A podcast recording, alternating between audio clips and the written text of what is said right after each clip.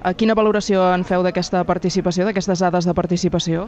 Sí, el Partit Popular de Catalunya celebrem que la participació hagi pujat respecte a les anteriors europees. No?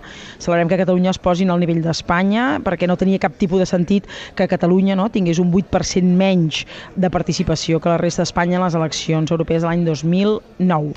I per tant ara doncs, ens situa la mitjana espanyola eh, per darrere de Rioja, València i Castella i Lleó.